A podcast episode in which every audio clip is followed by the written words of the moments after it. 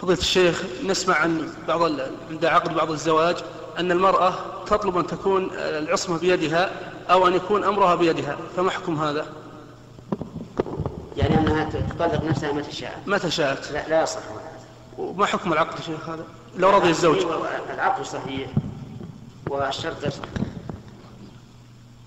لكن يجب على العاقد المأذون أن قبل أن يعقد يقول هذا شرط غير صحيح أفهمت؟ لكن لها الخيار في مسألة أخرى. لو قالت له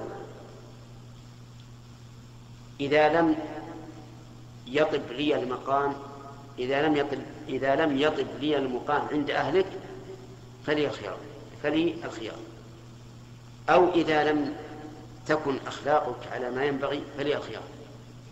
فهذه مسألة اختلف فيها العلماء. فمن العلماء من يقول إنه لا بأس به. وهذا اختيار شيخ الإسلام ابن تيمية رحمه الله. ومنهم من يقول لا لا يصح.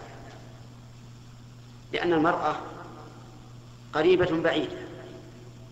لو ينتهرها زوجها مرة واحدة قالت خلاص بقى اختار نفسي ما تصبر ولا تتحمل. لو أحسنت إلى إحداهن الدهر كله ثم حصلت منك إساءة واحدة قالت لم أرى خيرا قط. لكن شيخ الإسلام لكن ما ذهب إلى شيخ, شيخ الإسلام؟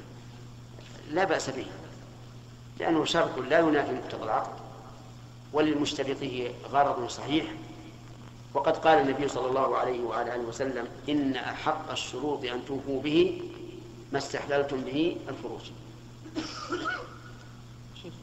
لا يظهر الفارق بينهم؟ لا بينهم فرق. إذا قالت الطلاق بيدها معناه إذا قالت الطلاق بيدها معناه تطلق ما تشاء ولو بدون سبب.